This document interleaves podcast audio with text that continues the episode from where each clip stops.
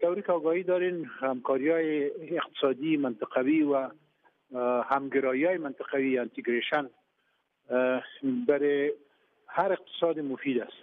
بله. و ما اگر جزو یک پروگرام منطقوی شویم چنانچه در بعضی پروگرام های منطقوی ما هستیم مثلا در تاپی در کاسا هزار بله. و در ای هم اگر ما شامل شویم و بی قید و شرط باشه به اقتصاد افغانستان بسیار مفید است.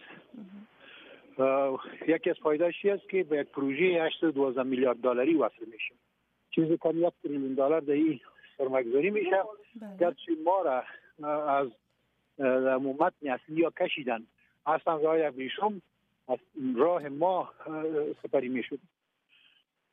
از کریدور واخان باید تیر می‌شد. ولی اینا دور دادن ما را. یکیش از طریق جنوب آسیا یعنی از طریق پاکستان میره به گوادر و از گوادر میره به شرق میانه و از تا شمال افریقا می‌رسه. بله. دیگهش از شمال افغانستان میره به تاجیکستان و وزیر کریدور واخان و باز میره در قرقیزستان و قزاقستان و آذربایجان و باز میره میره به نخجوان به ترکیه بالاخره میره به اروپای شرق و اروپای غرب و اروپای مرکزی. بله. اینا در حقیقت ما را امورای تاریخی را دور زدن. دلیلشان پیش خودشان از باید شاید دلیلشی باشه که ما کشور متصل به خشکه نیست به آب نیستیم به بحر. به خاطر پاکستان ترجیح دادن. دیگه با اونا پیمان استراتژیک دارن با پاکستان.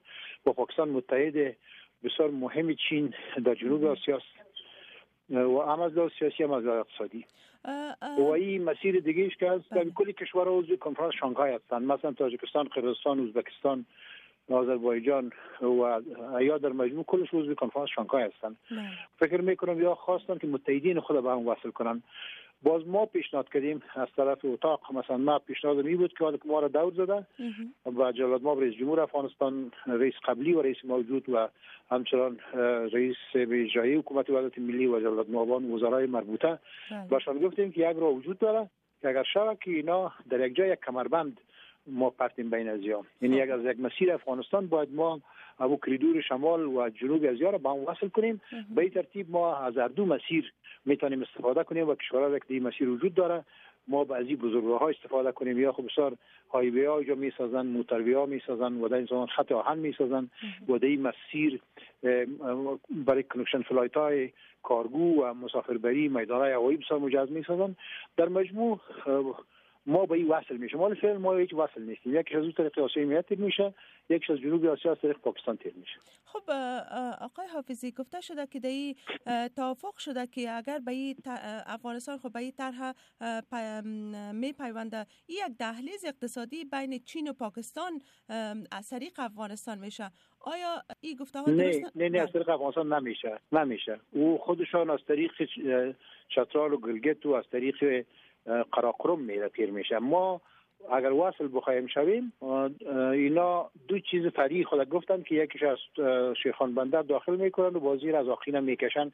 او یک سرک فرعی خود از جمعی میارن ما گفتیم که می دو مسیر اساسی را که است که یکیش از طرف جنوب آسیا میاد یکیش از طرف آسیای مرکزی به یک موقعیت ما رو وصل کنیم با هم. که به هم خوب است که کمربند شمال و جنوبشان با هم وصل میشه بدون اینکه داخل در مبدا اولی خاک چین بره نقطه را که شما پیشنهاد می‌کنن اصلی که می‌خواین که را وصل شود. طریق افغانستان کدام اسم باشه آقای حافظی؟ این مسیرهای مختلف داره مثلا ترجیح ما است که همین جای راههای و که بر ما مفید اقتصادی بیشتر داره که وصل شود. به طور مثال اگر از ایرتان داخل شود و از سپین بولدک خارج شود می کریدور. بر ما بسیار خوب است که تقریبا شمال جنوب افغانستان هم به وصل می‌کنه این یک کمربند امنیتی هم برمون اگر پایین تر بره مثلا از تور غندی داخل شود بازم بیاد بولدک بازم خوب است.